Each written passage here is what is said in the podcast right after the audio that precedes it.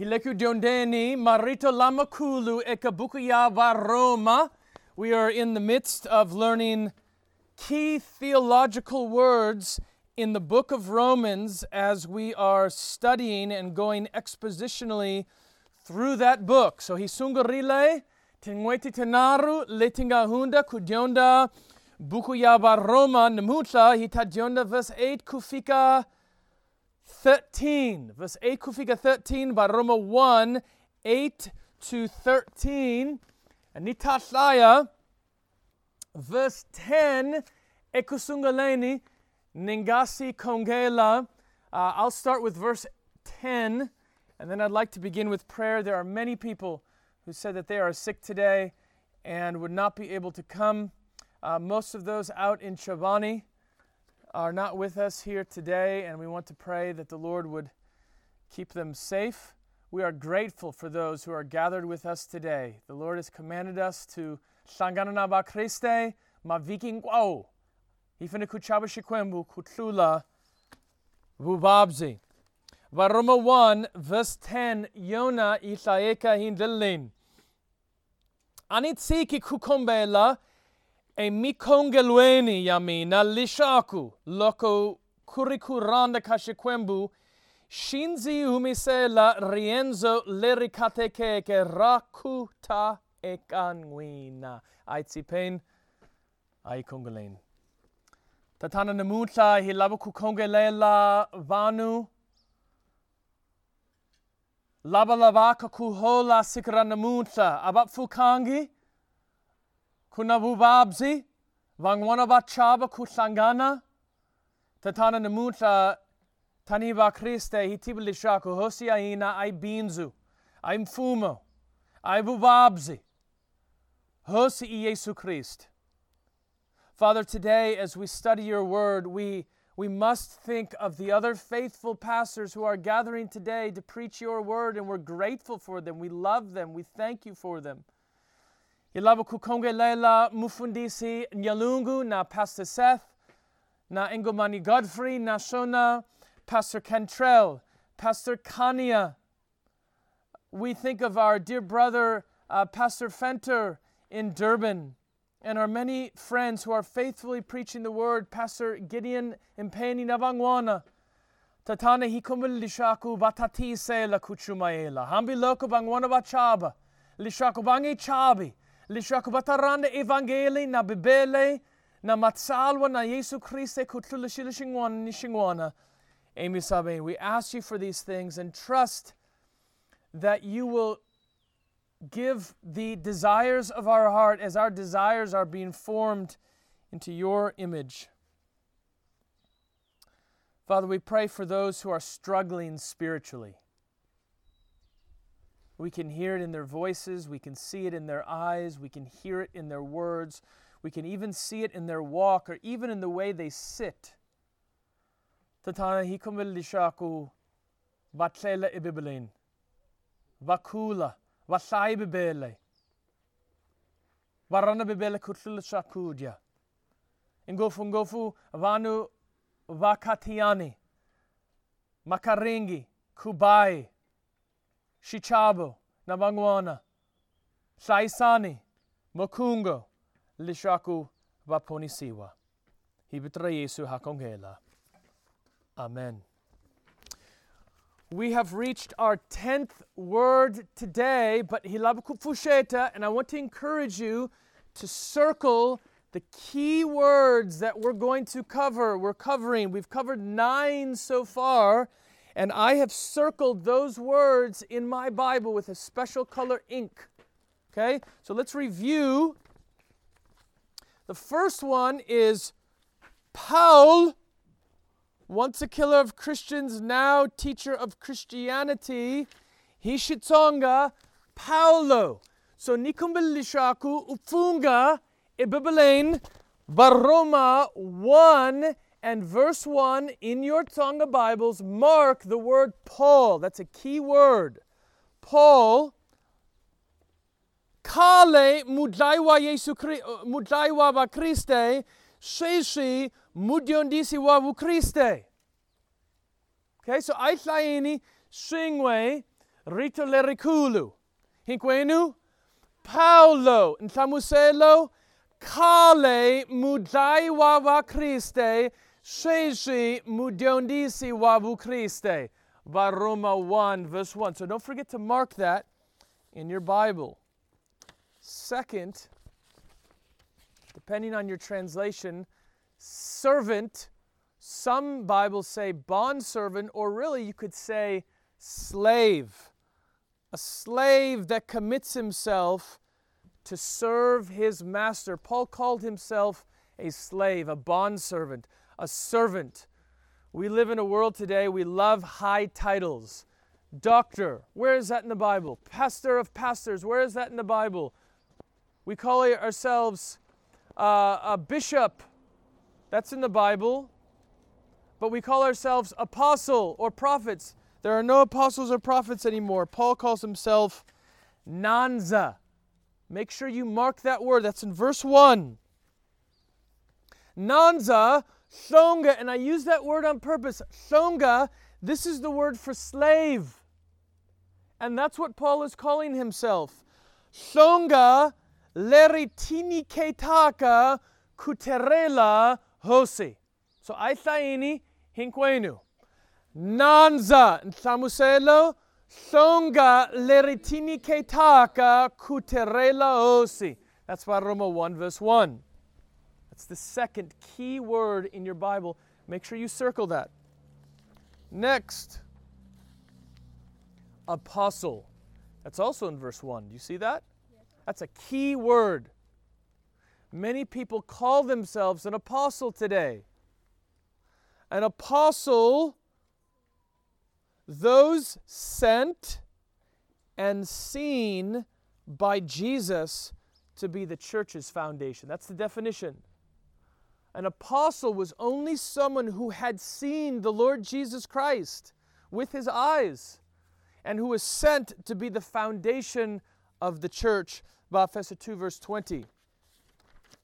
Ishitsonga, muapostola, laba rumiweke, ni laba boniweke, hi Yesu, kuba masungulo yakarek. Key word. Next, do you see that word gospel in verse 1? What is the gospel? The good news that Jesus died for sinners and rose again. Or circle that in verse 1 again, Evangeli. Funga ibibelen. Evangeli, verse 1. Mahungu lamanene lishaku. Yesu ufele vajohi nashona ufukile. That's the gospel. We find that here in Romans 1 verse 1 or Bakritios Singula 15 verse 34.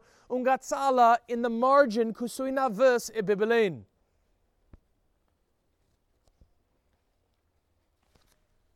Next, number five.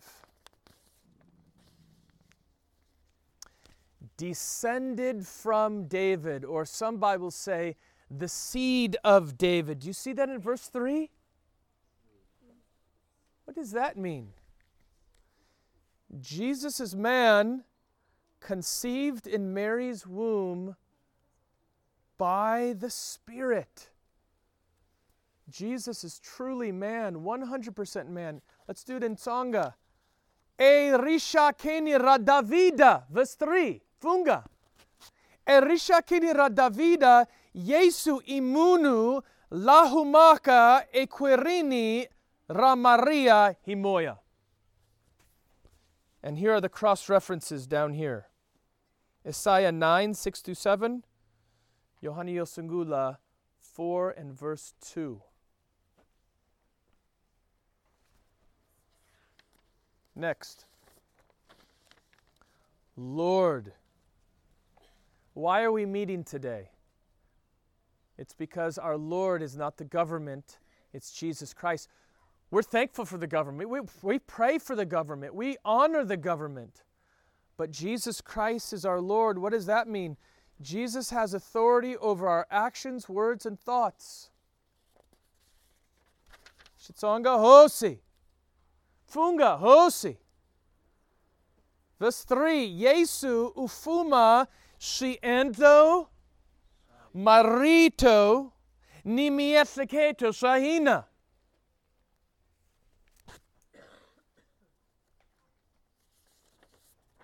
Next. Son of God. What verse is that in? Ngwanawa Shekwembu or Ngwanawa Shona? Right, verse 4. Jesus wasn't created, He's the Creator, God in the flesh. Remember Johanna 20, verse 20? Does anyone know that verse by heart? Hosiyanga ni? Right, Shikwembushanga. Ngwanawa Shikwembu, what does that mean? Yesu anga tumbulushi wangi imutumbulushi shikwembu inyamin. God in the flesh. That's the seventh key word. Number eight, we're almost there. Obedience of faith. Rehumakwi, verse 5. Genuine faith produces the fruit of the Spirit. Obedience of faith means first you believe and then you can obey. Kuyingisa hikufumela. Verse 5. Rifumelo ramampela rihumesa mihanzo yashimoya. And then last one before Diondiahina Namutla, faith. What is faith? We say um, the Kaiser Chiefs are down 3 0 to the Pirates. There's only five minutes left. We're a fan of the Chiefs and we say, I have faith my team will come back and win. That's the way we use faith today. But really, when we study the Bible, when we have faith, there are three parts of that faith. Do you remember when we learned that a couple weeks ago?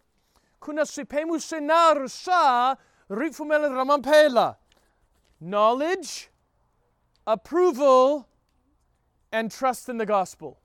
Those three parts. Know the gospel, approve of the gospel, and trust the gospel. Which means, hina hingativa vutibi, but ai fumele ai amukeli.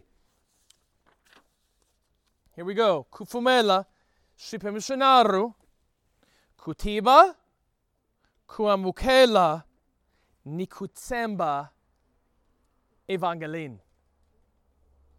Kutsemba evangeli. It's not enough just to know the facts. We must accept it and then trust in it. All right, Namunta. Rito, Rahina, is the word prayer or shikongelo. And we find this in verse 10.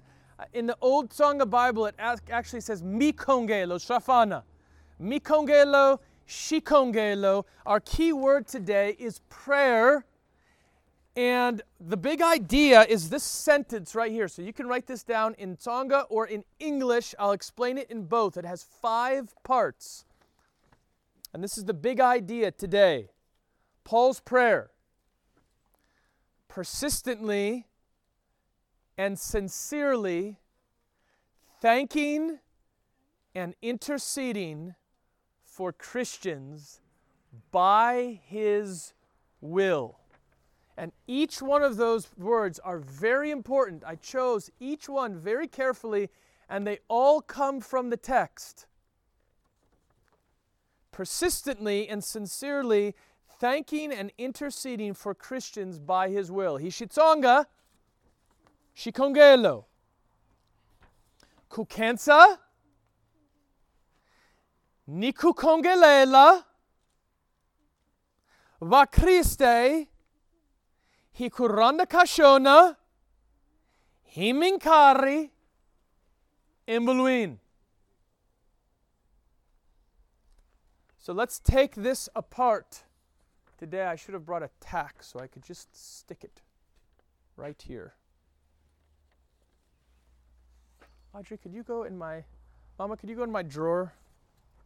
This is our whiteboard today. Or does anyone have some gum? Stick it on there. Okay, so let's go to Romans, by Roma 1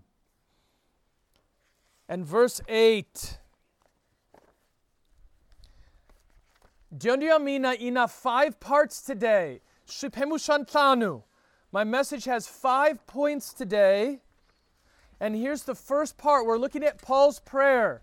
And Paul is giving a model prayer. This is how we should pray. It's not everything that need, we need to know about prayer, but Paul is modeling for us how to pray. And shikongelu shina shipemu shantanu. And so here's the first part of Paul's prayer, and it is this thanksgiving or kukensa. And Tokomaka, Yosungula, thanksgiving, or right here, kukensa. Let's look at verse 8.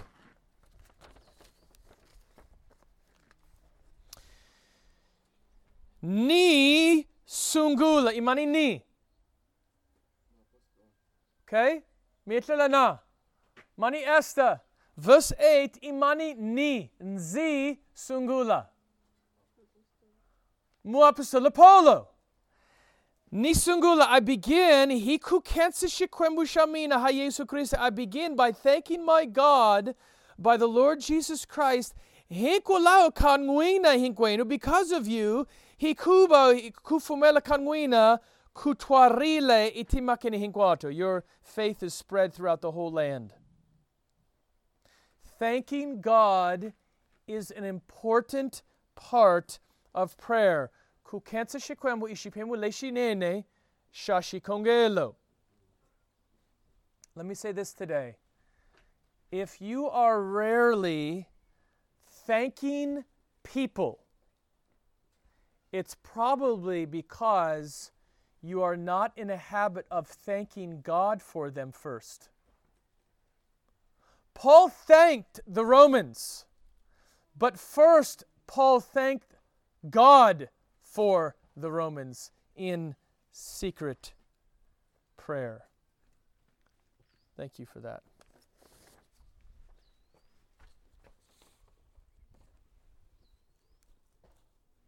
Okay, kukensa, Thanksgiving. Now, notice this, Bonani. Verse 8. Shosungula, Paulo ukensile shikwembu hinkulao kabaromo, baroma, ibise ukensile baroma, or ekusungaleni ukensile baroma, ibise ukensile shikwembu. Nikumbela nongonoko. Right. First, I thank the Lord in private prayer for Reginald. And when I get in the habit of thanking God in private prayer for Reginald, I thank Reginald to his face. Do you know that in every letter, Paul thanked those Christians except for the book of Galatians? In the book of Galatians, Paul was rebuking them. Paulo utekilenkada kutsinya va Galatia, but ehantika bukia Galatia, and maybe the book of Tito. In every book, he thanked the Christians. Paul was a thankful person. He was always, Concilian Gofu, Concilian Gofu. I see growth in you here. Thank you for your help here. Concile, concile, concile. In fact, I wrote these down. We don't have a chance to look at them, but let me just give them to you. I looked up in each one of Paul's letters where he thanked the believers. I'll read it quickly. Vakorinto Yosungula 1, verse 4. 1 Corinthians 1 4. Vakorinto Yambiri 1, verse 11. 2 Corinthians 1 11. Epheso 1, verse 16. Ephesians 1 16. Philippia 1, verse 3. Philippians 1 3. Colossa 1, verse 3. Colossians 1 3. Thessaloniki Yosungula 1, verse 2. But Thessalonica Yambiri 1 verse 3, 2 Thessalonians 1 3. Timoteo Singula 1 verse 12. 1 Timothy 1 12. Timoteo Yambiri 1 verse 3, 2 Timothy 1 3. And Philemon 1 verse 4. Paul was always thanking other believers. Here's the application. First, we need to get in the habit of thanking God in private prayer for the growth we see in other Christians. And then we don't stop there, we go the next step and thank that person personally for the growth we see in them. We did that this morning, right? We gave examples. Hite kilenkari kukensa shikwembu hinkulauka kukula kaba Christe and then indaku kashona hilabakuba kensa.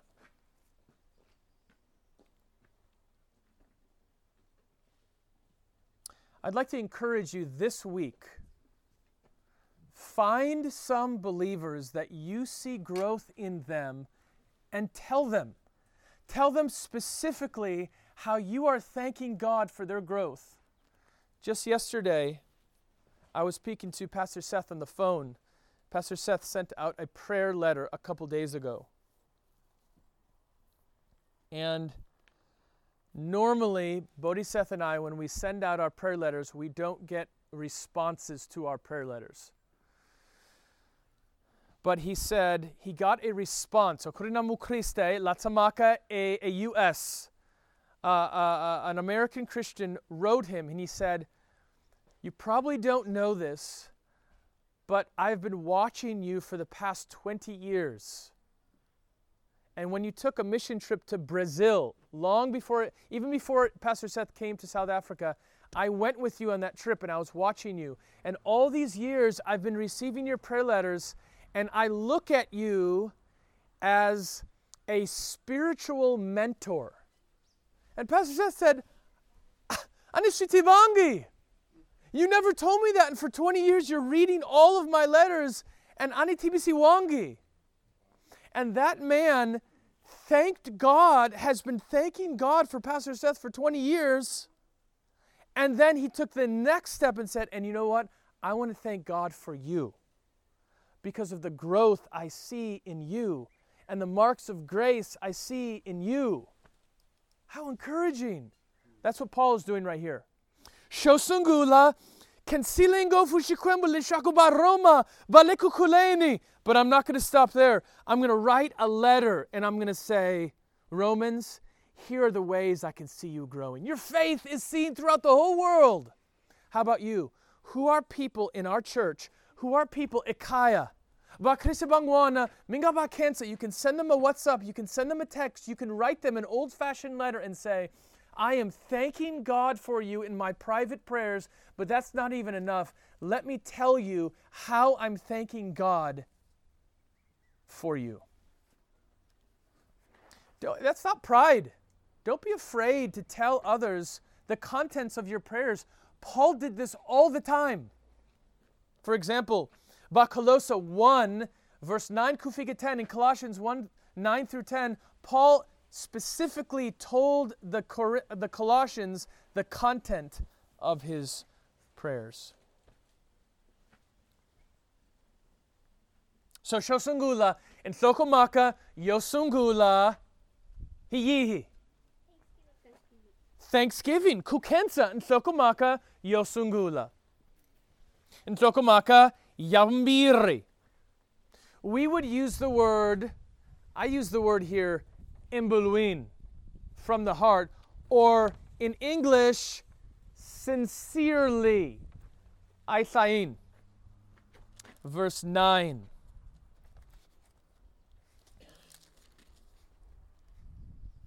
Hikuba shikwembu lishi nzi shi tirelaka emoyeni wamina. Stop there whom I serve in my spirit.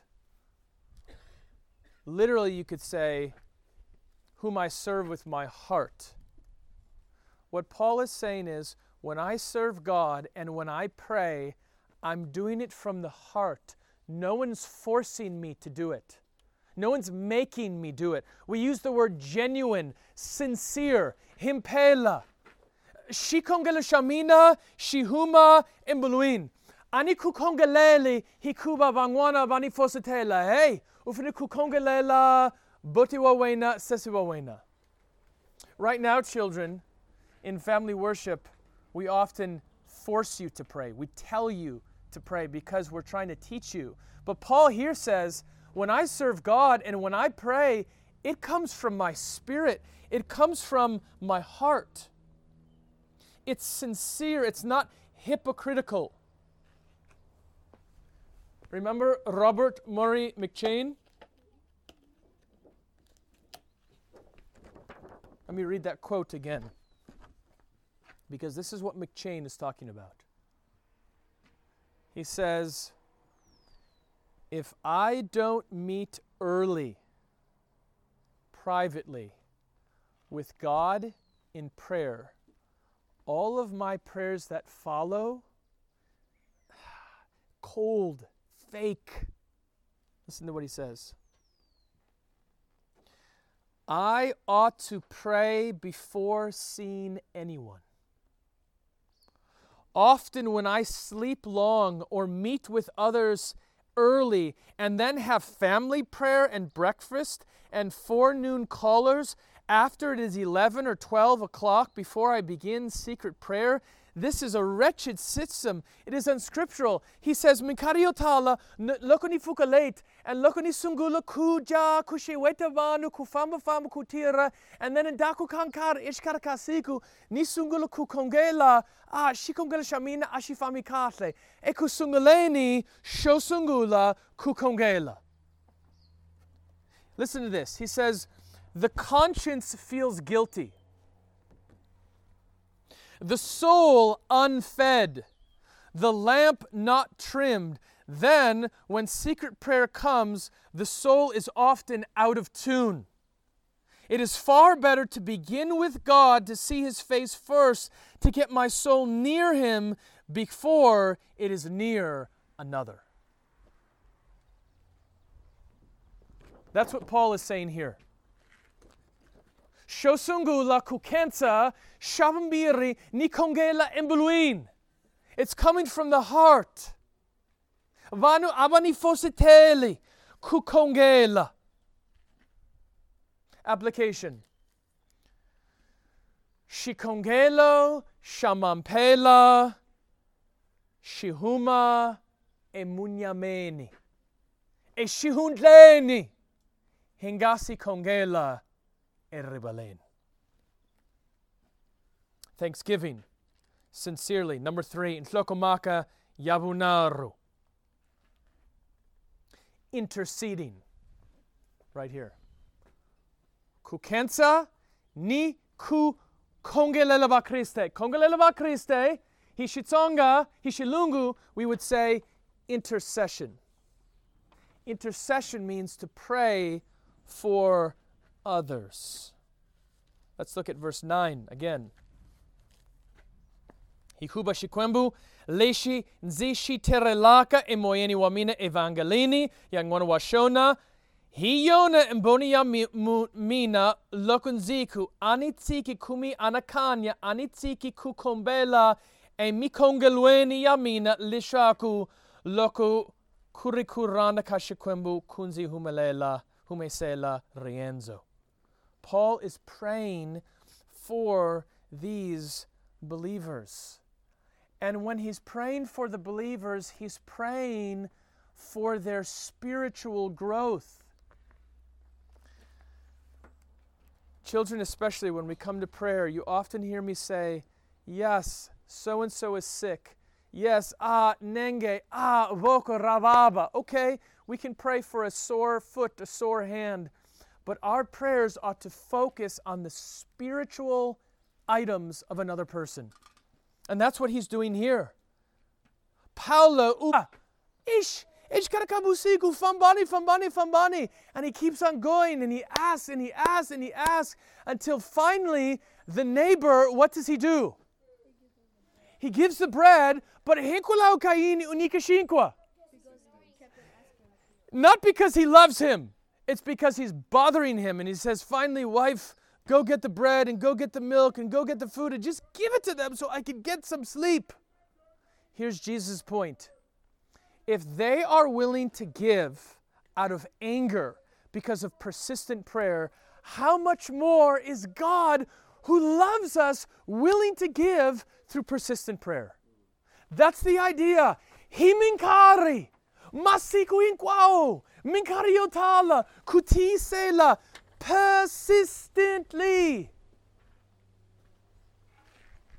Save my friend, save my coworker, save my brother, and I'm going to keep on asking and asking and asking.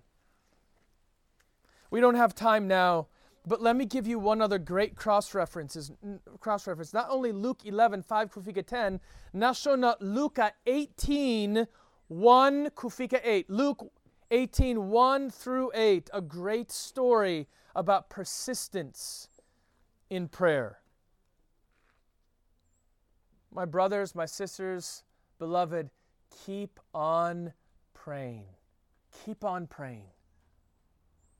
And even that passage in Luke 18, the Bible knows how easy it is to quit. And that's why it says, Wafane kukongela himinkari hinkwayo vanga tsuki vakarala. It says, keep on praying and do not faint. Don't be tired. Jesus knows us. He knows that we pray for a little bit, we don't get the answer, and we stop. And he specifically gave us this story in Luke 18 to say, when you're tempted to be tired of asking for things, keep on praying. Keep on praying. That's what Paul said. Now, think about this. If Paul was the pastor of the Roman church, it would still be amazing that he continually prays for his flock. But remember, Varoma, ai futayena. This is not his flock. In fact, Paul has never even been to Rome. He's got the Colossian Christians and the Ephesian Christians and the Thessalonian Christians and the Philippian Christians, and he tells just one of this group of all these churches, I don't cease praying for you. Think about how, Paul, how long Paul must have prayed. Paula ukongarlingofu. Va Christova va Philippia, va Colossa, va Thessalonica, va Ephesus, va Colossa, va Corinto.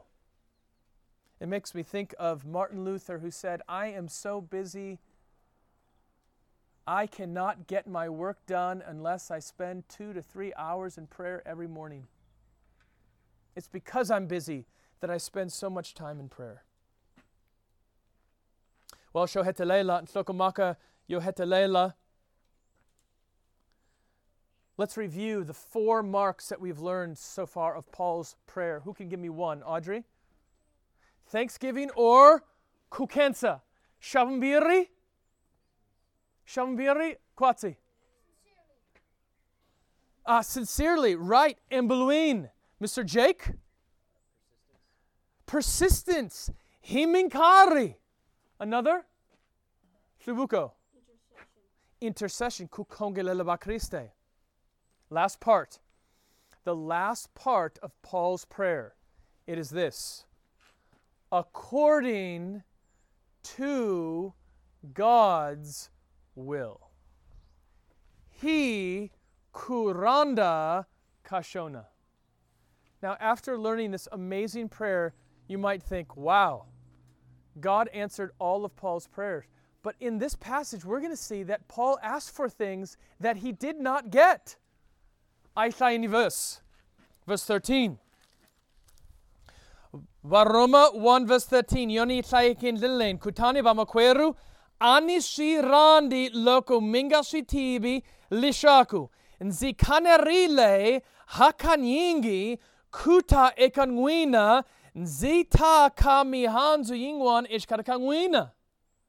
Kukota lishi nzishi enleke ematikweni mangwana kambe nzi yini. Kufika shish. Paul said, I wanted this. I prayed for this. And God said, What? No. we have this amazing prayer, and Paul closes it by saying, Oh, and by the way, let me just remind you, Mirakarmi kongela, kongela hikwalauka kuranakashikwembu.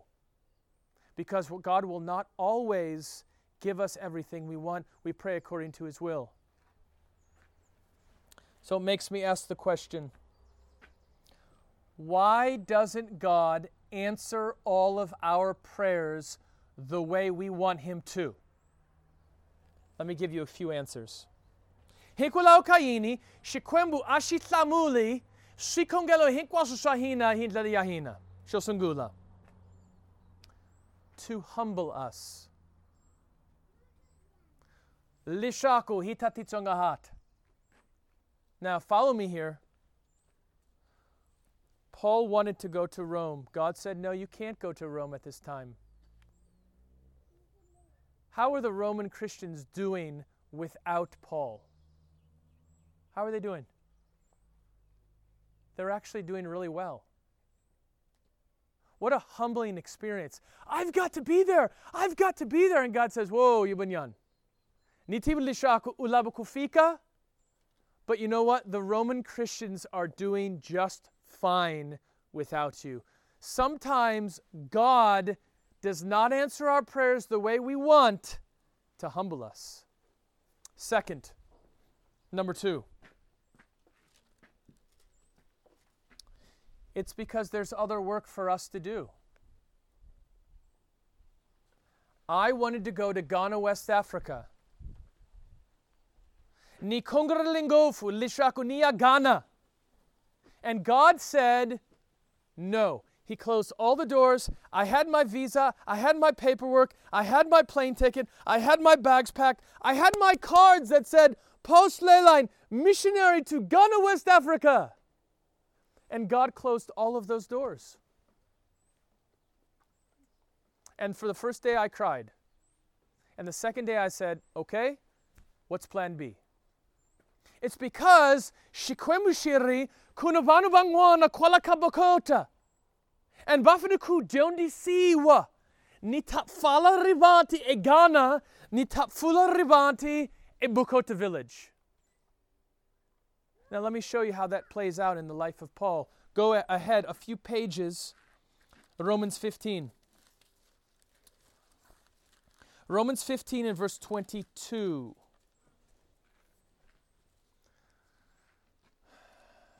Uncle Jan, if you would read that in English, Romans 15 and verse 22, and then someone read it in Tonga. Mani Esther, Nikomeli Shaku Mithaya ba Roma 15, verse 22, he shits onga. Uncle?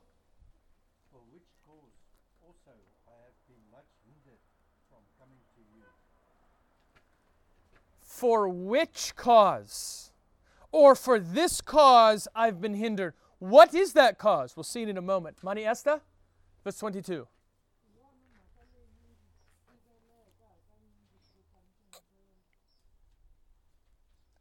Hikulau kaini, Paulo, anga kotangi kuya va Roma, kudiondisa evangeli, bonani verse 19. Jerusalem, a Jerusalem, a Illyria. Why? Because God said, There are those in Jerusalem and there are those in Illyricum. They have to hear the gospel. If I open the door in Rome, they wouldn't hear the gospel. God said, No. And in our minds, aitusis, aikotikusivona, but shikwembu, shitiba, hinkwash. Why does the God not answer our prayers? Sometimes it's to humble us. Sometimes it's because He has other work for us to do. Let me give you one more reason. Shidoho. God doesn't answer our prayers because of sin. I wrote five examples of sin where the Bible specifically says God will not answer our prayers because of certain kinds of sins. In fact, the Bible talks more about ways God does not answer our prayers at times than answering them. Let me give you those five. Shosungula unconfessed sin, Isaiah 59, 1 through 2.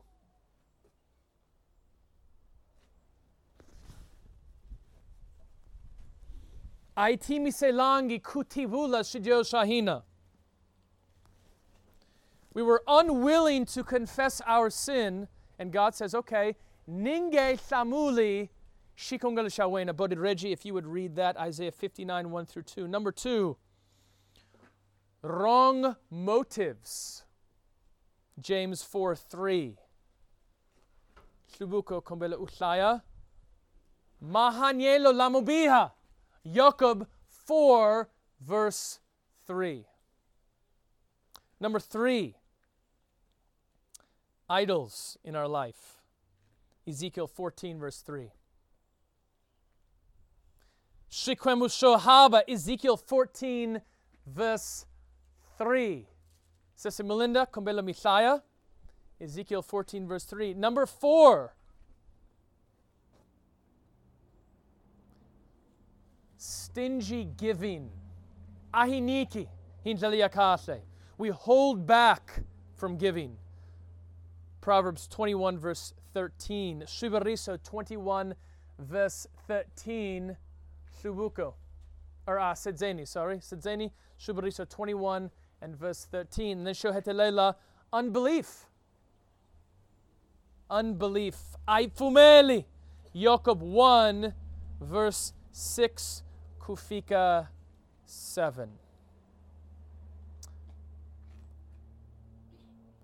Isaiah 59 verse 1 kufika 2 vonani voko ra yehovha a ri khwanyalanga leswaku ri nga tsandzeka ku ponisa ni ndleve ya yena a yi sivekanga leswaku yi nga tsandzeka ku yingisa kambe i swidyoho swa n'wina leswi endleke rihlampfu exikarhi ka n'wina ni xikwembu xa n'wina Mm-hmm. i milandzu ya n'wina leyi mi sirheleleke Mhm. mi sirheleleke mombo wa xona leswaku xi nga mi yingisi Mm-hmm. Shinge mi yingisi hinkulauka shidio shawena. What what sins right now? What sins are you hiding in your heart? Ufita shidio hoshihi embuluin. Shita effecta shikungala shangwina. Anibuli shana mahajahana. Hinkwero hajoha. Hina hipa johi. But kuna shidio shingwana, hilabaku tumbela, hilabaku fitla, shidio shingwana, and we say, okay, shidio shingwana, but niyamaswain, hey, shikwembu, shinge samuli, shikongela shangwini, hinkwalao ka shidio. Second. Man? Jak- Jakob 4 verse 3 makhongela gava mintimu hi ku mi khongela mikhuva lowo biha leswaku mi ta leswaku mi ta kuma swa ku swa ku khorwisa ku navela ka n'wina Um, Father, give me this wife to marry. She's not godly, she doesn't love the Lord, but she's really pretty, and I want everyone to think how great I am because I have a really beautiful wife. That's the wrong motive. Shikwembu ashilabi kusamula shibutis leshia uh, shikongel leshia. Hikuba imahanyelo lamobiha. Number three, idols. Sissy Melinda? Ezekiel 14 verse 3 N'wana wa munhu vanhu valavo va namarhela xikwembu xo vona hi timbilu ta vona va veke emahlweni ka vona ribye ra ku pfuluvanyisa leri va joyisaka xana ndzi ta va yingisa ke Number four, Sezeni? matisivaka tindleve leswaku a nga ncini nkosi ya xisiyana u ta rila na yena kambe a nga ka a nga ka a nga tivisi a nga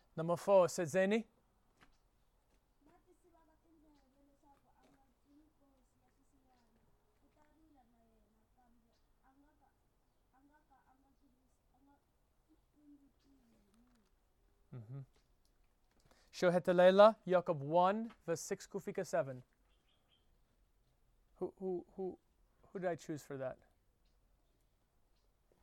Did I choose someone? Nathan, go ahead and read that. Jacob 1. Jacob 1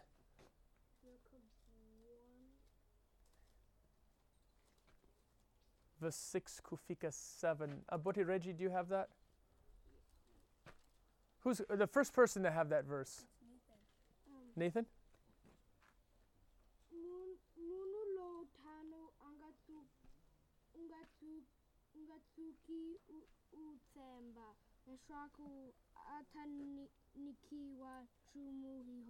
Okay. So, today I pusheteni.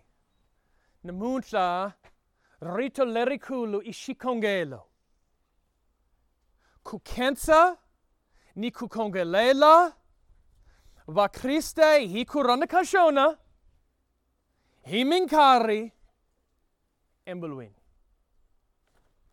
Paul's prayer, persistently and sincerely thanking and interceding for Christians by his will. George Mueller was a great Christian of the past. He made a decision that he would pray for six men to be converted. Ukongarilishaku vanuba six vataponisi wandaku ka lembe unwan uponisi wile endaku ka malemmambiri vambiri vaponisi wile but endaku ka ya 30 kusele banar aba ponisi wangi. Kame aba hetangi aba yimangi kukongela angasifa vambiri vaponisi wile. And then endaku ka rifu rayena munua hetelela uponisi wile. Hina hifinu kukongela kufana na Mueller kufana na mu apostola Paulo. Namutla hilaba kukongela lishaku vanu vataponisiwa. Yesu Kriste ufele sudio sahina ai kongelen lishaku shikwembu shitahinika butomi libzinga herik. Ai tsipen ai kongelen tatana namutla hi kombel lishaku uchincha timbil tahina. Oh tatana hi lava kukongela hi minkari hi lava kukongela imbuluin hi lava kukongelela hi lava kukensa hi lava kukongela hi kurana kawena tatana hi kombel lishaku hi rekari hi kongela. Sikarana mutla na vikileri lishaku utayingisa shikongela shahina. Hi vitara yesu hakongela amen.